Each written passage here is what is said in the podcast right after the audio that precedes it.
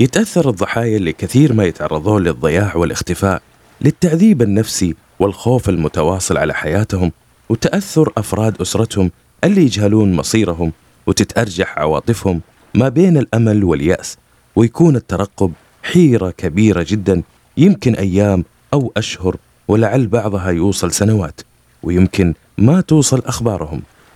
ويعرفون الضحايا إن أسرهم ما يعرفون شيء عنهم. وفرص حضور المساعدة لهم ضئيلة جدا. وفي الجانب الثاني تعاني أسر المختفين وأصدقائهم من غم نفسي بطيء عشان ما يعرفون اللي مختفين على قيد الحياة أو لا. مثل قصة اليوم وتعتبر مؤلمة وغامضة نتج عنها إن اللي رجع من الهلاك والموت ألف كتاب عن هذه الأحداث. في البداية أعزائي متابعين قناة القهوة السوداء حسابي أقدم فيه قصصا مختلفة باستمرار. ويا مرحبا بالجميع. ولا تنسى الاشتراك في القناة وتفعيل الجرس.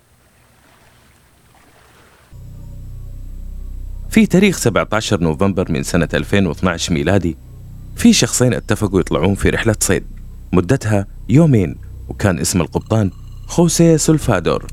والثاني إزيكييل البحار المبتدئ الشاب وكان مكان رحلة الصيد في المحيط الهادئ. بدأت الانطلاقة والرحلة من شواطئ المكسيك. وبالتحديد من قرية كوستا أزول الصغيرة.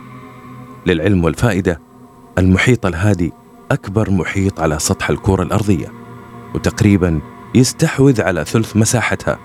كذلك المحيط الهادي فارغ تماما إلا عدد بسيط من جزر متنوعة وهذا يعطيك صورة واضحة إنه احتمالية إنه أحد يوصل لك أو يدور عليك شبه معدومة. وحاليا بطل قصتنا القبطان خوسيه وصل للرقم القياسي في الاختفاء وهو 438 يوم من الاختفاء. وبطبيعة الحال وعلى الأغلب إنه ما راح أحد يوصل لهذا الرقم واحتمالية موت الشخص كبيرة. الرحلة اللي بدأت منها المعاناة هذه كلها كانت المفترض يومين بس. لكن الرحلة انطلقت في 17 نوفمبر من عام 2012 ميلادي وطلعوا على قارب صغير وهذا القارب تماما ما كان جاهز للكابوس اللي راح يواجهونه لا من ناحية مساحة القارب ولا الأكل. وكان طول القارب سبعة أمتار ولا في سقف ولا كابينة. وكان كل اللي عندهم أدوات الصيد وحافظة علشان يحطون فيها السمك. والمشكلة إنه عندهم خبر إنه في عاصفة جاية لكن الظاهر ظروفهم اللي كانوا يعيشونها أجبرتهم يكملون ويطلعون ويدورون لقمة العيش. لكن الساعة واحدة في الليل وصلتهم العاصفة ومن الخوف والصعوبة اللي واجهتهم من العاصفة رموا معظم الأشياء والأدوات اللي كانت تقريبا بآلاف الدولارات عشان يخففون وزن القارب وكمان عشان يتحركون بسهولة. وفي ظل هذه الأحداث كانوا يبعدون عن الشاطئ مسافة ست ساعات. لما جات الساعة سبعة صباحا كانوا على بعد 24 كيلومتر عن الساحل. لكن حظهم كان سيء. لأنه محرك القارب فجأة خرب عليهم وللأسف القارب ما في أي وسيلة حركة. وفي نفس الوقت العاصفة قاعدة تجرهم شوية شوية. كان عندهم راديو وكلموا مديرهم وقال المدير إنه جاي بأسرع وقت وأعطى خبر لخفر السواحل. لكن للأسف أثناء عملية تواصلهم خلصت بطارية الراديو وفجأة آخر أمل لهم اختفى ومديرهم تحرك وهو كم شخص عشان يدورون عليهم. وخفر السواحل حرك قواربهم وطياراتهم وقعدوا يدورون عليهم. مرت أيام للأسف الهواء والرياح جرفت قاربهم لمسافة بعيدة جدا. لكم أن تتخيلوا بعد خمس أيام صاروا على بعد 450 كيلو متر عن الساحل. وما كان حولهم شيء غير المحيط وقاربهم كان صغير جدا. كان شبه مستحيل إنه أحد يشوفهم من السماء. لو مرت عليهم طيارة أو مروحية. ما كان عندهم أي طريقة ثانية لطلب المساعدة. لا مسدس إشارة ولا قطعة قماش بلون مميز ما كان عندهم أي وسيلة غير أياديهم. وهنا عرفوا انه فرصة نجاتهم وانقاذهم شبه مستحيلة وكذلك معدومة. ومع ذلك تخلصوا من الأغراض اللي كانت معاهم ونفسياتهم السيئة ومعنوياتهم المتحطمة. لكن غريزة الحياة خلتهم يتأقلمون بأي طريقة كانت. ومن ناحية أكلهم كانوا مضطرين يصيدون السمك والطيور بيدهم اللي تجي قريبة من القارب ويأكلونها وهي نية وجمعوا قوارير الموية البلاستيك واستخدموها علشان يجمعون موية المطر لكن كانت فترات طويلة تعدي بدون أمطار فكانوا يضطرون يشربون من دم السلاحف وعلى حسب رواية خوسيه ويتكلم عن صاحبه الشاب اللي كان معه اسكوريل بدأ يفقد عقله بعد أربعة أشهر. وصارت نفسيته تعبانة وصار يفكر بالانتحار.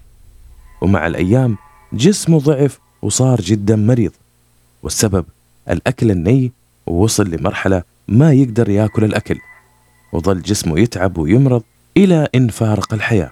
أربعة أشهر خوسيه خسر الشخص الوحيد اللي كان معاه وصار لوحده.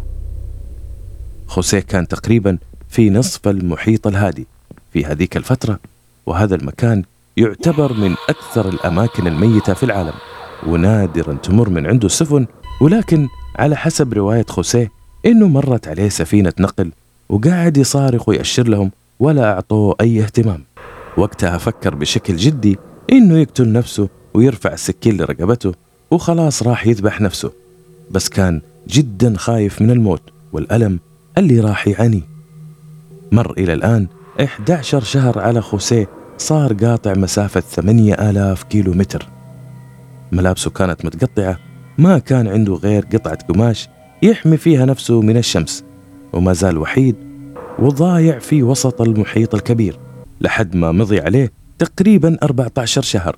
من يوم ما ضاع في هذاك اليوم لاحظ خوسيه حبات جوز هند طافية على البحر وكثافة الطيور زادت في المنطقة وهنا عرف إنه في جزيرة قريبة منه وقعد نص يوم إلين بانت معالم الجزيرة وفعلا قفز من القارب ويسبح للجزيرة.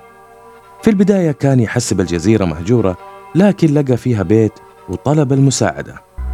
وأخيرا أتواصل مع كائن بشري بعد 438 يوم من فترة مغادرته من الجزيرة والجزيرة اللي وصل لها خوسيه كان اسمها إيبون أوتول.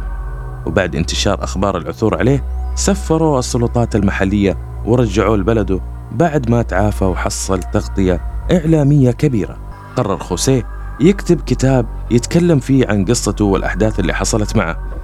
بس الصدمة عائلة الشاب اللي كان معاه في القارب ومات قرروا إنهم يتهمونه إنه هو اللي قتل ولدهم عشان يأكله. لكن هذا الكلام غير صحيح. شكرا للمتألق لأجمل الثريدات عن طريق تويتر الأستاذ عمير. أنصحكم بمتابعته. كان معكم صالح بن عبد الله من قناة القهوة السوداء ومع غموض آخر وقصة جديدة حتى ذلك الحين. كونوا بخير في أمان الله.